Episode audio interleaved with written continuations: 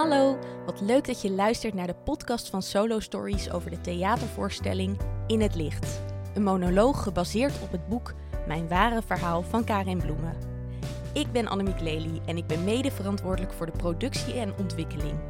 Dit betekent dat ik meedenk over toekomstige voorstellingen, inleidingen geef en er als tourmanager voor zorg dat alles achter de schermen zo goed mogelijk verloopt. De komende tijd neem ik jou mee backstage. Ik praat met de makers, ervaringsdeskundigen, samenwerkingspartners en anderen die met de thematiek van In het Licht te maken hebben. Veel luisterplezier! Een voorstelling als In het Licht maken we natuurlijk niet alleen. In de voorbereidingsfase hebben we contact gezocht met organisaties die gespecialiseerd zijn in het bieden van hulp bij seksueel geweld of hier voorlichting over geven. Een daarvan is stichting Wij Zijn M, opgericht door ervaringsdeskundige Mandy Slijpen. Naast inhoudelijk advies in het maakproces verzorgt Mandy voorafgaand aan de voorstelling lezingen voor professionals die met kinderen of overlevers van seksueel misbruik werken. Heb jij interesse om met je collega's in het licht te bezoeken en de voorstelling bij te wonen? Stuur een mailtje naar merel.solostories.nl. Het is donderdagochtend, we zitten in de meervaart en tegenover mij zit Mandy Slijpen. En Mandy die heeft een heel enerverend weekend achter de rug. Kun je me daar iets over vertellen, Mandy? Ja, goedemorgen. Goedemorgen. Ja, ik uh, heb een manifestatie georganiseerd uh, op Museumplein. No Blame But Change. En dat bedachten wij uh, zondagavond en zaterdag stond het er. Waanzinnig. Ja. Dat heb je gewoon binnen een week georganiseerd. Binnen een week, ja. En vertel eens, No Blame But Change. Ja, klopt. Van waar de titel? Nou, eigenlijk, ik had uh, de uitzending gezien van The Voice. En um, ik had zoiets van, ik wil iets doen, maar ik wist niet goed wat. Je bedoelt Boos, toch? Ja, de ja. Boos-uitzending inderdaad over The Voice. Um, en toen dacht ik van, eigenlijk is het heel mooi om samen te komen op het Museumplein... om met elkaar te laten zien van, er moet iets veranderen. En de titel is uh, No Blame. Ja, we hebben geen schuld als slachtoffers. En But Change, van de samenleving moet veranderen. Er moet iets veranderen, want iedereen uh, geeft vaak toch onbewust de schuld aan de slachtoffers. Door uitspraken, door te zeggen bijvoorbeeld van... nou, had je toch niet uh, in het donker naar huis moeten fietsen... of had je geen nee kunnen zeggen. Dus toen, ja, vandaar dat die titel bedacht was. En dit zijn natuurlijk dingen die jij al heel lang hoort. En nu ineens enorm aanwezig zijn in de actualiteit in de media. Ja. Dat er, um, nou ja, je hoort het ook letterlijk dat er in programma's wordt gezegd van had je dan geen aangifte kunnen doen? Of zoals jij zelf in het programma M hebt gezegd van nou ik draag een koeltrui, want dan kan ik in ieder geval niet het verwijt krijgen dat ik uh, een decolleté bijvoorbeeld heb, dus dat ik aanzet tot. Ja. Het zijn dingen waar jij al heel lang mee moet dealen, maar die echt sinds, laten we zeggen, twee weken ineens enorm aanwezig zijn in de media. Ja, klopt. Die beerput is eigenlijk uh, open gegaan. Um, en ik denk dat dit eigenlijk nog maar het begin is. Uh, en uh, soms vragen mensen mij ook van, goh, uh, stond je versteld van die beerput die open ging? En dan denk ik nee, want er is nog zoveel meer. En ergens was ik ook, los van dat ik het verschrikkelijk vind, hè, maar blij dat de beerput een beetje open ging. Omdat ik denk, ja, kom maar, kom maar met al die verhalen, want ze zijn er. En, en die kom maar bedoel ik eigenlijk als steun naar de slachtoffers, want ik weet hoe moeilijk het is om te gaan praten. Maar ik weet ook hoe fijn het is als je het uiteindelijk hebt gedaan, omdat je het is nodig. Het is, er, er, er zit natuurlijk zo'n zo'n taboe stuk op. Uh, dus laat die beerput maar open gaan. Hoe heftig het ook is. We zeiden net tegen elkaar, jij bent nu al bijna twintig jaar open over wat jou is overkomen. Ja. Wil je daar iets over vertellen? Ja, tuurlijk. Um, ja, toen ik uh, 14 was, kwam het eigenlijk uit dat ik uh, seksueel misbruikt ben door mijn opa. Dat uh, begon op mijn achtste. En toen het uitkwam, uh, ik heb het tegen een vriendinnetje verteld op school toen ik 14 was. Mijn ouders gingen toen scheiden, dus eigenlijk mijn veilige basis viel weg. Dus het ging slecht met mij. Maar niemand had door waarom het slecht ging, want mijn ouders gingen best goed uit elkaar. En ik weet niet waarom, maar ik heb het toen op een duur een vriendin verteld uh, uit de klas, middelbare school. Weet je nog wat je voelde op dat moment? Dat je dacht, dat, dat was er letterlijk iets in jou wat zei, en nu moet je het gaan zeggen? Nee, ik, ik weet wel dat ik die week wel dacht van ik moet het iemand vertellen. En ik vertrouwde haar heel erg. Dus ik dacht, ik ga het. Ik weet ook niet waarom. Het is ook als ik erover nadenk, best apart natuurlijk dat je ineens in een geschiedenis of aardrijkskundeles was waarschijnlijk een saaie les, maar dat je dan ineens dat en je vertelt. bent 14, dus Precies. je vindt het sowieso niet. ja, nee, Ja. maar dat je dat vertelt en ik, ik weet ook dat ik met haar, ik heb haar helemaal geen contact meer met haar, maar we hebben elkaar op Facebook.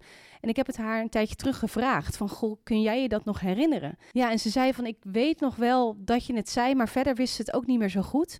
Want zij heeft mij toen ook gelijk doorgestuurd naar een uh, vertrouwensdocent. Wat krachtig. Ja, wat ik onwijs knap vind, want het is ook voor haar natuurlijk, het wordt ineens wordt dat verteld. En wat doe je dan? Als, als, als een vriendin van jou vertelt, ik word... Ik weet ook niet of ik letterlijk heb gezegd, ik word seksueel misbruikt. Ik denk het eigenlijk niet. Het enige wat ik nog wel weet, is dat ik het heel gek vond dat ik het zei. Dus dat ik dacht, hè, maar gebeurt dit wel echt? Ja. En dat is natuurlijk... Ik sprak het voor het eerst uit. Het was altijd het geheim tussen mijn opa en mij. En ineens was het, was het daar, lag het op tafel. En was het dan dat je twijfelde van gebeurt dit wel echt als in een soort van eh, is het geen droom?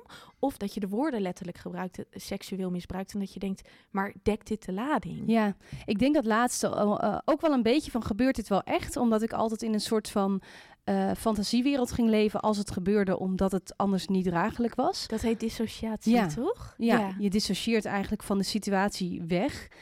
Maar ook dat ik dacht, ja, maar seksueel misbruik, dan betekent het dat hij fout is. En daar kon ik met mijn hoofd niet bij. Want mijn opa was ook mijn alles.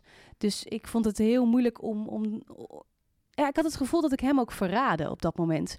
En dat was ook niet wat ik wilde. Ja. Ik wilde ook niet dat ik, dat ik hem verraadde. Want ik vond hem op dat moment heel erg zielig ook nog. En uh, ik weet ook nog wel toen het later dan inderdaad bij mijn ouders terecht kwam. En dat ik vooral bezig was met hem. Dat ik dacht, ja, maar ik wil hem ook niet kwijtraken. Schuldgevoelens. Ja, en dat als ik dan nu denk, want ik ben natuurlijk nu nou, 20 jaar verder, kan ik me niet meer voorstellen dat ik nog naar hem verlang. Maar toen der tijd wel. En dat is eigenlijk natuurlijk ook wel wat weer zegt hoe diep zo'n trauma ligt. En uh, dat je zo geïndoctrineerd bent door zo'n dader. Uh, dat ik voor mijn gevoel ook van hem was. Ik, ik was alleen maar van hem. Dat hoor je wel vaker, toch? Dat, eh, heet dat niet het Stockholm-syndroom? Nou ja. dan word je letterlijk verliefd. Dus dat, ja. dat is natuurlijk wel weer wat anders. Maar wel dat je zo gehecht raakt aan, aan je dader. Um, ja, ja, ik denk wel dat dat het Stockholm-syndroom is, hoor. Dat je inderdaad nog verlangt naar je dader, maar ook, um, ook echt van hem houdt. Ja. En ik denk dat dat iets is wat... Uh, dat heb ik ook wel vaak teruggekregen van mensen die dat echt niet kunnen snappen. Heel veel mensen denken ook van, nou, het misbruik is nu klaar. En dan is het ook klaar. Maar dan begint het eigenlijk pas. Ja. Want inderdaad, uh, dat klinkt heel gek, maar onder het misbruik dacht ik vaak: oké, okay, het is net als tandenpoetsen, het hoort erbij. Dat is natuurlijk dat dissociëren wat je doet. Maar daarna begint pas de verwerking. Dus dan komt alles terug. En dan ga je pas echt verwerken wat er is gebeurd. Uh, en moet je vooral die schuld- en schaamtestuk, dat is zo. Dat heeft echt bij mij het langst geduurd. Ik, uh, ik heb zo lang erover gedaan om los te komen van hem. En zelfs dat ik nog best wel recent bezig ben geweest om dat kleine meisje los te krijgen van hem. Dat is echt, dat is echt nog recent geweest. Ik dat laatste stukje nog, die was nog verbonden aan hem. Dus niet mijn volwassen vrouw, maar wel het kind in mij, wilde hem echt niet loslaten. En dat is, heeft bij mij wel effect in, uh, in het niet verliefd kunnen worden. Want mijn opa zei altijd, je mag niet verliefd worden, want je bent voor mij. En dat is nog steeds bij mij nog een soort van... Oh, een maar, achtjarige. Ja, ja, heel bizar natuurlijk. En ook qua puberteit natuurlijk is dat zo belangrijk dat je juist verliefd mag worden en mag. En dat heeft hij me wel ontnomen. En dat, daar ben ik me wel steeds meer van bewust. En die afhankelijkheidsrelatie daarin, dat, als ik het zeg, dan klinkt het weer zo theoretisch. Maar ik probeer me nu in dit gesprek een beetje te voor te stellen wat dat voor een achtjarige, dat kan ik gewoon niet. Dat is heel duidelijk. Maar ja. dat je, um, wat ik me kan voorstellen, is dat je in een hele belangrijke fase in je leven een bepaalde uh, ontwikkeling niet door mag maken, nee. niet door gaat maken. En sterker nog, dat dat ook beïnvloed wordt door iemand en door ja. wat er gezegd wordt. Ja. Het lijkt me heel moeilijk inderdaad om dat los te kunnen laten. Ja, en, en dat vond ik ook lastig, omdat ik. Um, er zat bij mij een negatieve lading op, op liefde, op seksualiteit. Dus als, ik weet ook als mijn ouders bijvoorbeeld een soap aan het kijken waren waarin gekust werd, liep ik boos weg. Ik was echt boos dat zij dat keken, omdat voor mij was dat dan iets slechts. Want mijn opa had geleerd, dit mag niet van de politie. Ah, ja. Dus ik had het gelinkt aan dat het iets slechts uh, was. En ook verliefdheid, dat, is, dat vind ik nog steeds wel een, een moeilijke om dat echt toe te laten. Omdat dat zo'n lading heeft van je mag niet verliefd worden. Is dat iets wat zo lang door heeft ge gespeeld. Kun je het voelen of kun je het herkennen? De verliefdheid? Ja. Nee. Nee. Nee, nog steeds niet. Moet je nagaan, Ja, hè? Dat ja. is dan dat je, dat je daarin zo geïndoctrineerd bent en dat je hoofd daarin zo voor afgesloten Ja. is dat je lijf het niet eens kan voelen. Nee, het is echt daarvoor afgesloten eh, zijn, inderdaad. En dat is voor mij, denk ik, het laatste stuk waar ik nog zoekende in ben. Dus ehm, ik kan nu wel zeggen van ik heb het echt wel goed verwerkt. Maar er zijn, ja, dat is wel nog een nasleep. Die eh, voor mij is, is het heel eng om dat te gaan toelaten. En ook inderdaad om überhaupt te voelen. Om Ja. daar connectie mee te maken. Dat is gewoon weg. Ik kan me zo voorstellen dat je het jezelf ook zo zou gunnen om dat te, te voelen. Ja, een hele tijd niet. En eh, omdat ik ook dacht van ja, maar als ik dat voel. Ja, niet zegt het dat ik schuldig ben, maar toch zit er toch wel een stukje negatieve lading op of zo. Maar nu kan ik, heb ik wel zoiets van, ik heb het gevoel dat ik er klaar voor ben. Alleen ben ik nog wel heel erg zoekende en moet ik daar wel ook mezelf de tijd in gunnen. Maar ook dat weer, ja, daarin ook van wanneer vertel je dan je verhaal. Weet je, het is toch best wel complex. En natuurlijk seksualiteit komt erbij kijken. Eh, en daarin merk je gewoon dat zo'n trauma toch veel die- dieper ligt dan je soms denkt. En ook angst. Ehm, ja, er zit wel angst bij. Ook wel angst wat zo iemand dan denkt als je zoiets hebt meegemaakt. Want ik kan me voorstellen dat je er als, als man zijnde misschien niet op zit te wachten. Of Of het afschrikt misschien een ja, beetje. het af kan Ja. schrikken. Eh, maar aan de andere kant sta ik natuurlijk ook nu wel zo sterk in het leven dat ze dat ook wel zien, denk ik. Maar het is voor mij, ja, blijft het wel een, een, een zoektocht. En dat is wel wat, wat dat diepliggende trauma doet, denk ik. Ja. Ik las een interview met jou en daarin stond: Ik ben inmiddels echt een sterke vrouw geworden. En dat ontroerde mij heel erg, omdat ik denk: Jeetje, het moet zo'n. Wat jij nu al vertelt, van het heeft zo'n impact op je leven. En ik vermoed dat het ook heel veel impact op je zelfvertrouwen heeft. En dat jij dan blijkbaar nu wel zelfvertrouwen kan voelen, of in ieder geval kan inzien dat jij een geweldige vrouw bent. Dat vind ik zo, ja, dat vind ik zo ontroerend en dat vind ik zo mooi. En ook hoopvol. Want ik kan me ook voorstellen voor anderen dat die denken, maar dat kan dus. ja, Je hebt daar dus blijkbaar wel twintig jaar voor nodig, maar het kan wel. het kan zeker. En eh, ik merk ook die afgelopen weken natuurlijk... eh, het ging natuurlijk in een sneltrein naar die manifestatie toe. Maar ik ben ook weer in die afgelopen week zo enorm gegroeid. En ehm, dat ik nu ook denk van... nee, maar ik mag hier gewoon staan en ik, ik mag hier zijn. En, en ben je trots op jezelf? ja, ja, best wel. Wat goed. Dat ik denk, ik ben ook trots op jou. Dankjewel. ja, ja, best wel. Ook omdat ik weet ook hoe lang ik een klein meisje van mezelf moest blijven. Ik, ik moest dat kleine meisje blijven en ik mocht niet groeien naar een vrouw. Want een, ja, bij een vrouw komt toch ook wel weer seksualiteit kijken en dat is dan weer slecht. Maar nu denk ik, nee, ik ben gewoon een krachtige vrouw. En ook als ik dan denk aan, aan mijn opa die dus nog leeft. Ik was altijd heel bang om hem tegen te komen. En nu denk ik, ja, maar de rollen zijn omgedraaid. Ik heb in die zin nu de macht. Ik, niet op een foute manier, hè, maar ik bedoel, ik ben nu krachtig. En hij is eigenlijk nu... Hij heeft geen controle meer over Nee. jou. Ja, en dat is echt een verschil met een aantal jaar geleden. Jij hebt de controle zelf overgenomen. Ja, en ik gun dat echt alle slachtoffers ook die. Want ik vond het zo mooi met hoeveel we daar stonden. En, en ook, ook de mensen die vanuit thuis keken, die er niet durven staan. En ik wil echt zeggen tegen hun van. Je bent al zo krachtig en, en durf te vertrouwen op jezelf. En het is niet jouw fout. Dat Ja. vooral. Dat wordt heel veel herhaald op het moment, maar dat vind ik ook zo belangrijk dat dat daarin ge, Ja. eh, bij iedereen. Want je had het net al eventjes over victim blaming. Ja. Ehm, en nou ja, in een eerdere podcast hebben we uitgelegd wat victim blaming is. Maar misschien kun je dat nog even gauw doen voor degene die Ja. dat niet gehoord heeft. Ja, het is eigenlijk victim blaming is heel erg eh, de schuld bij het slachtoffer leggen. En dat kan eh, in kleine vorm. Dus bijvoorbeeld inderdaad dat je zegt van dat iemand met zo'n verhaal komt. En dat je zegt, goh, maar had je niet nee kunnen zeggen? Dat is al victim blaming. Want daarmee zeg je eigenlijk van, ja, maar als je nee had gezegd, was het niet gebeurd. En dat is hetzelfde wat ook wel bij aangiftes soms gebeurt. Dat, dat politie vraagt, wat had je aan? Ja, en daarmee zeg je eigenlijk, ja, als je iets anders aan had, was het misschien niet gebeurd. Absurd. En een slachtoffer voelt zich al zo enorm schuldig. Dat als er. dus Al, dat heb ik ook nog steeds. Als een, als, ik zou het vreselijk vinden als maar één iemand denkt: het is jouw schuld. Eh, omdat dat het is, iets is wat je jarenlang hebt gedacht. En dat gebeurt heel vaak inderdaad. En eh, mijn opa is veroordeeld.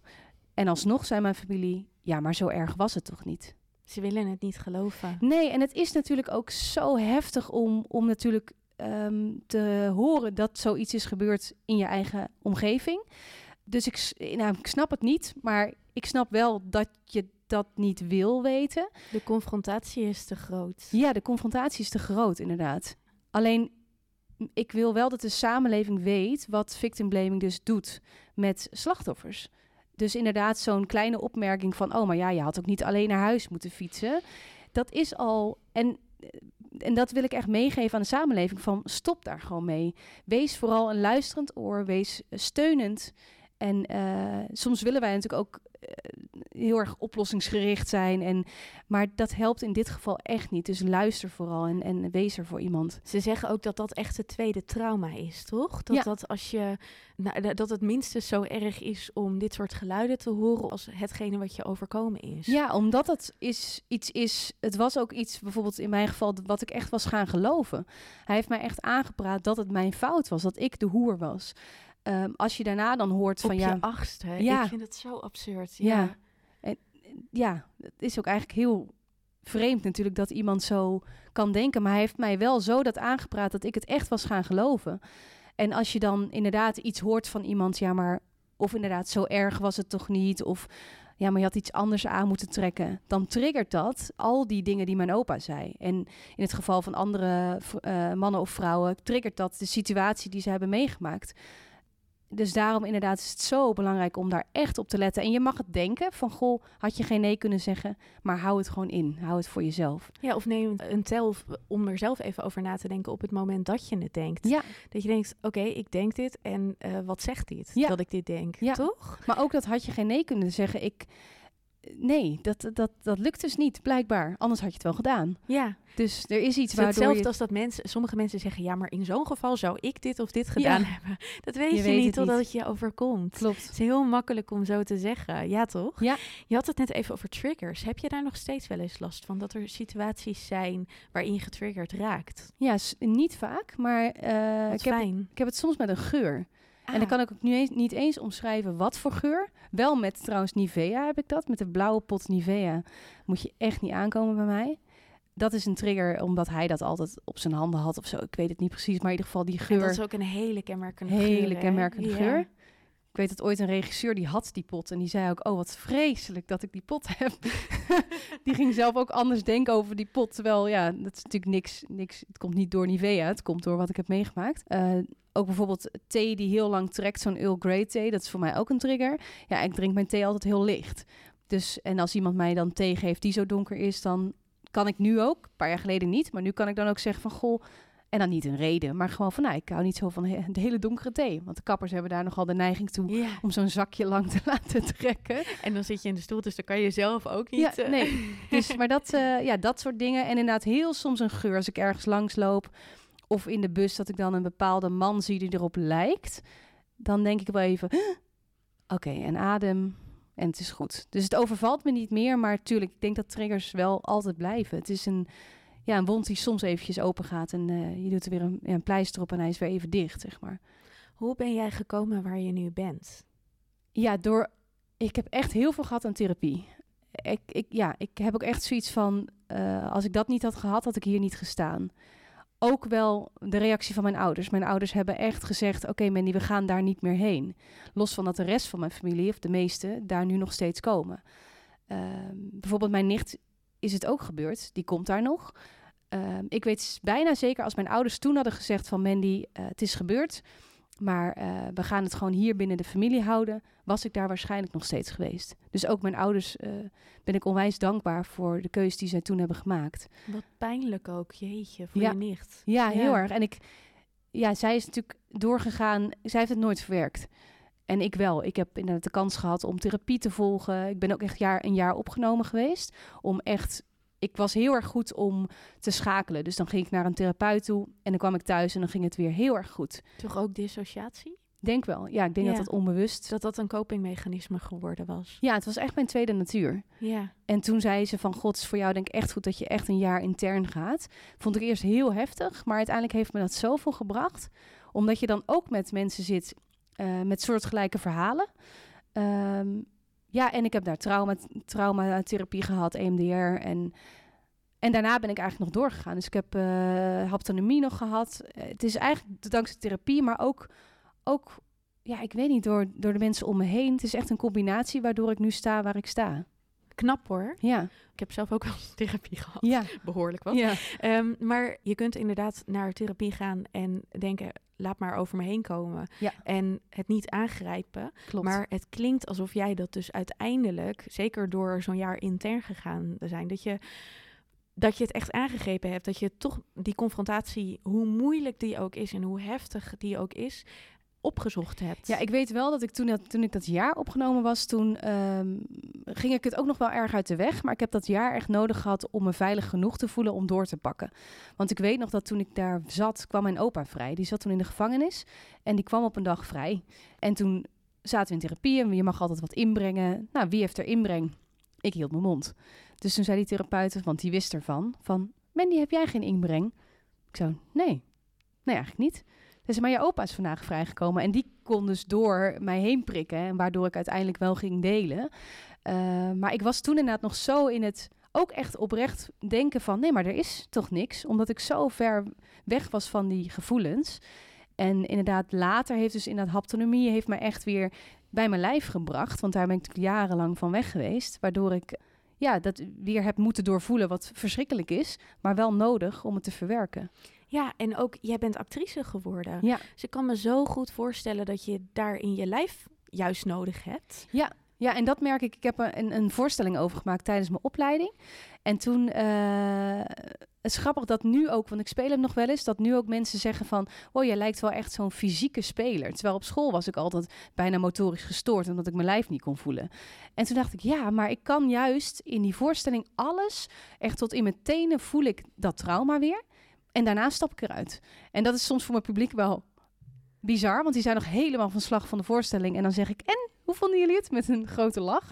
Denk, oh ja, men. Zeker het in het Tapas Theater, ja. waar jij me ook weer gaat spelen, ja. 28 februari. Ja, klopt. Maar daar ontmoet je ook je publiek daarna. Ja, en, en mijn pianist heeft ook als tip gegeven, Mandy, even tellen in je hoofd. Laat die stilte maar er zijn. Want het publiek heeft het ook nodig om het even te laten landen. Jij hebt het al vaak gedaan. Maar ik merk wel dat ik dus in mijn spel neem ik het helemaal mee. Maar ik heb er daarna geen last van. En dat vind ik dus heel fijn. Dat, dat is dus... ook een professionaliteit. Ja, ja. Het is echt jouw professie. Klopt. En ook wel omdat ik dus wil laten zien, dit is dus wat het trauma doet. Want die vrouw die daar, het gaat dan over een vrouw in een kelder, dus het is niet mijn letterlijke verhaal. Maar misschien zit ze al lang niet meer in die kelder, maar zit ze gewoon in haar trauma. Dat is natuurlijk aan de kijker wat je daarvan vindt. Uh, maar wel dat ik kan laten zien van dit is dus wat het trauma doet. Alleen daarna is het niet dat het trauma nog echt in mij zit. Het zit dan echt wel in de actrice. Dus ik laat zien wat het heeft gedaan. Knap hoor, dat je dat als ervaringsdeskundige kan. Dat je toch ook de knop om kan zetten en het echt vanuit Ja. je ambacht kan benaderen. Dat Ja. vind ik echt heel knap. Ja, dankjewel. Jouw voorstelling is ook onderdeel van jouw stichting. Daar Ja. hebben we het nog helemaal niet Nee. over gehad. En vanuit daar heb je natuurlijk ook de manifestatie georganiseerd. Ja, Kun je daar iets meer over vertellen? Wanneer ben je het op gaan zetten? Wanneer kwam het idee? ja ik, eh, het is Stichting Wij Zijn M. En ik ben dat eh, eigenlijk vlak voor corona. Corona kwam een beetje. En eh, toen vroeg iemand mij, zou jij je verhaal willen vertellen voor een groep? Toen dacht ik, eh, ik vond spreekbeurten bijvoorbeeld ook altijd vreselijk. Mensen denken altijd dat actrices heel graag spreekbeurten doen. Dat is echt niet waar, want dan kun je niet in een rol kruipen. Dus ik dacht, ja, maar mijn verhaal vertellen, dan sta ik daar als mezelf. Dat vind ik eigenlijk helemaal niet fijn. Maar goed, ik dacht, Mandy, je gaat het gewoon aan. Dus eh, het was een open avond. En, eh, Dapper. ja, Ja? ik dacht, ik ga het gewoon doen. Dus toen weet ik nog dat we daarheen gingen. En van tevoren gingen we dus met de sprekers al uit eten. Nou, en de een ging over werk praten. En de ander zei, oh, ik ga straks hierover spreken. Goh, Mandy, waar ga jij over praten? Dacht ik, ja, dat kan ik niet nu zeggen. Want dat is heel erg taboe. Maar toen dacht ik, ja, maar Mandy, nu hou je het zelf in stand. Als jij nu zelf niet gaat vertellen, terwijl je het straks voor die groep gaat doen. Dus toen kwam er al een heel mooi gesprek met die, met die sprekers. En ook eh, een vrouw met wie ik sprak had het ook meegemaakt. Dus het was al een heel open gesprek. En toen uiteindelijk ben ik voor die groep gaan staan en heb ik het gedaan. En na afloop kwamen er meerdere mensen naar me toe die dus eh, herkenning hadden in het verhaal. En waarvan één vrouw zei van ja, dank je wel dat je hier namens mij staat. Want jij bent de eerste en de laatste die ik het vertel. Niemand weet dit in mijn leven. Ik ga het mijn graf mee innemen, maar eh, je staat hier ook namens mij. En toen kreeg ik zo'n kippenvel en toen dacht ik, wow, maar dit is eigenlijk waarvoor ik dit wel moet doen. Ik moet, ik moet voor andere slachtoffers gaan staan die het niet durven. Ik, wil eh, hulpverleners, ik wil professionals gaan inlichten in wat dit trauma doet met iemand. En toen dacht ik, ik ga een stichting beginnen. En uiteindelijk heb ik een, eh, een officier van justitie leren kennen. En die heeft mij in contact gebracht met goede mensen. En toen was die stichting er ineens. En op dit moment zijn we een, een lespakket aan het ontwikkelen voor op scholen. En ik heb dus die voorstelling die ik geef. Ik heb lezingen die ik geef. En ja, nu na de manifestatie liggen er veel lijntjes om door te pakken. Want we moeten gewoon echt uh, dit onderwerp op de kaart zetten. Dat is zo belangrijk. Weet je wat ik zo mooi vind? Je straalt echt als je het erover hebt. Terwijl ja. het is natuurlijk zo'n heftig onderwerp. En ja. het is je ook nog eens zelf overkomen. Maar ik voel bij jou gewoon de veerkracht om te zeggen en ik ga er iets positiefs mee doen. Ja. Ik ga kijken of ik anderen kan voorlichten. Ik ga kijken of ik anderen kan helpen door middel van herkenning en daarmee ook erkenning voor het probleem krijgen. Ja, en dat merk ik nu ook in die afgelopen week hebben wij zoveel mails gehad met levensverhalen, mensen die uh, die iets wilden, uh, ja, even wilden vertellen wat ze hebben meegemaakt. En dan denk ik, ja, maar hier doe je het toch voor dat je. Ik hoop echt. Kijk, wij zijn geen hulplijn voor slachtoffers, maar indirect zijn we het wel, omdat wij inderdaad andere mensen voorlichten. En ook zo iemand die mij dan durft te mailen. En misschien dan toch de week daarna denkt, ik ga het misschien toch even iemand vertellen uit mijn omgeving. Dat hoop je ja, dan daar hoop ik dan echt op. Ja. ja. dat jij de eerste stap bent die iemand kan zetten. Ja, want ik zeg ook altijd, als ik zelf als kind een voorstelling erover had gehad op mijn basisschool, had ik echt niet opgestaan en gezegd, hey, dit overkomt mij. Maar had ik waarschijnlijk wel gedacht van, wow, maar zij is helemaal niet raar. Ik vind haar helemaal niet vies, want daar was ik altijd bang voor dat mensen mij gek vonden en vies. En dat zou zo al zo mooi zijn dat, dat, je als, dat je een kind die het dus meemaakt, mee kan geven van, maar je bent niet gek, je bent niet vies. Jij kan er zelf helemaal niks aan doen. Ja, precies. Precies. Ja. En dat moet je soms ook van een ander horen. Ja. Anders geloof je het niet. Nee, en ik denk als je dan iemand ziet staan, en dat is ook wel de kracht, denk ik, van ervaringsdeskundigheid. Dat je dan ziet van, wow, er staat een ervaringsdeskundige. Maar ik had helemaal niet verwacht dat zij zoiets had meegemaakt. Dus dat een beetje. En dat als iemand dan kan denken van... Misschien dat ze dan over vijf jaar later denkt... ik ga het nu vertellen. Ja. en je kan je ook aan zo iemand optrekken. Dat je denkt, maar ik wil ook worden zoals zij. Ja. Dus ik ga misschien toch ook het toch tegen iemand vertellen. Of uh, ik ga me aanmelden voor therapie. Dat je op die manier ook... Je bent letterlijk een, een voorbeeld ja. voor die mensen. Dat is dat, ja, krachtiger kan je niet worden eigenlijk. Nee, nee, en dat vind ik wel ook bijzonder in de afgelopen week. Dat ik dat ook wel gemerkt heb. En dat ik denk, wauw, wat, ja, wat, wat, wat bijzonder. Wat, het raakt me ook echt. Als was ook een meisje die kwam naar me toe die zei: Dankzij jou ben ik gaan praten. Ja, ik, uh, ja, ik had het niet meer. Zeg maar. nee, dat snap ik heel goed. Ja. En dat is natuurlijk ook, je bent superkrachtig, maar het doet natuurlijk ook nog steeds van alles met je. Ja, en dat, Jij zei bij, tegen mij bijvoorbeeld, kunnen we het interview eventjes ietsje later doen, want ik ben moe. En dat vind ik ook zo goed dat je dat op dat moment zegt. Want het is echt niet zo dat jij uh, een machine bent die dit eventjes doet. Jij bent uiteindelijk wel gewoon echt Mandy. En hoe krachtig je ook bent, jij moet af en toe ook voor jezelf zorgen. Ja, en dat is ook heel erg belangrijk.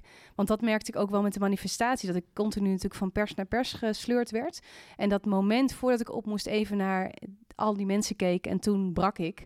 Omdat ik dacht, wow, we staan hier met z'n allen. En, en, en dat is wat je zegt, je bent geen machine. Je moet ook blijven letten op jezelf. Uh, en en dat, dat is ook wel wat ik de afgelopen week nog meer geleerd heb en nog meer ben gaan doen. Dus uh, ja, ik ben echt afgelopen week ook nog meer gegroeid als mens. ja. Je zit straks met twee petten op naar de voorstelling te kijken. Ze zijn naast ons aan het repeteren. Uh, wat verwacht je ervan? Ja, ik, ik heb er zin in. In die zin omdat ik denk, wow, ik, ik kijk hier al heel lang naar uit. Um, ik denk ook wel dat het me heel erg gaat raken. Maar dat, dat, dat laat ik ook gewoon maar toe, denk ik. Uh, maar ik dat mag er natuurlijk zijn. Ja, daarom. Maar ik vind het zo goed dat, dat jullie dit doen. Dat jullie uh, rondom dit thema. Want nou ja, het is toch nog steeds een taboe thema. Dat jullie het aangaan en, uh, en het gewoon echt gaan doen. En ja, ik kijk er echt enorm naar uit. En ik ben heel blij dat de theaters weer open zijn en dat we, dat we gaan. Fijn hè? Ja, ja oh ik ook. Ja. En ik ben zo benieuwd wat jij ervan vindt. Ik hoop je op de première dan nog even te spreken. dan ben ik er zeker. Dankjewel dat je nu met mij wilde praten. Ja, jij ook bedankt. Werk jij met kinderen of overlevers van seksueel geweld? En heb je interesse om met je collega's in het licht te bezoeken en de lezing van Mandy bij te wonen? Stuur gerust een mailtje naar merel.solostories.nl Wil je naar In het Licht komen kijken? De voorstelling is van 10 februari tot 6 juni te zien in de Nederlandse theaters. Ga naar solostories.nl om een kaartje te bestellen. Leuk om je in de foyer te zien. Kom je na afloop naar me toe om te vertellen wat je van de voorstelling vond? Of via onze socials? Tot dan! In het Licht wordt mede mogelijk gemaakt door Fonds Podiumkunsten, Lira Fonds, Nora Fonds en de Janivo Stichting.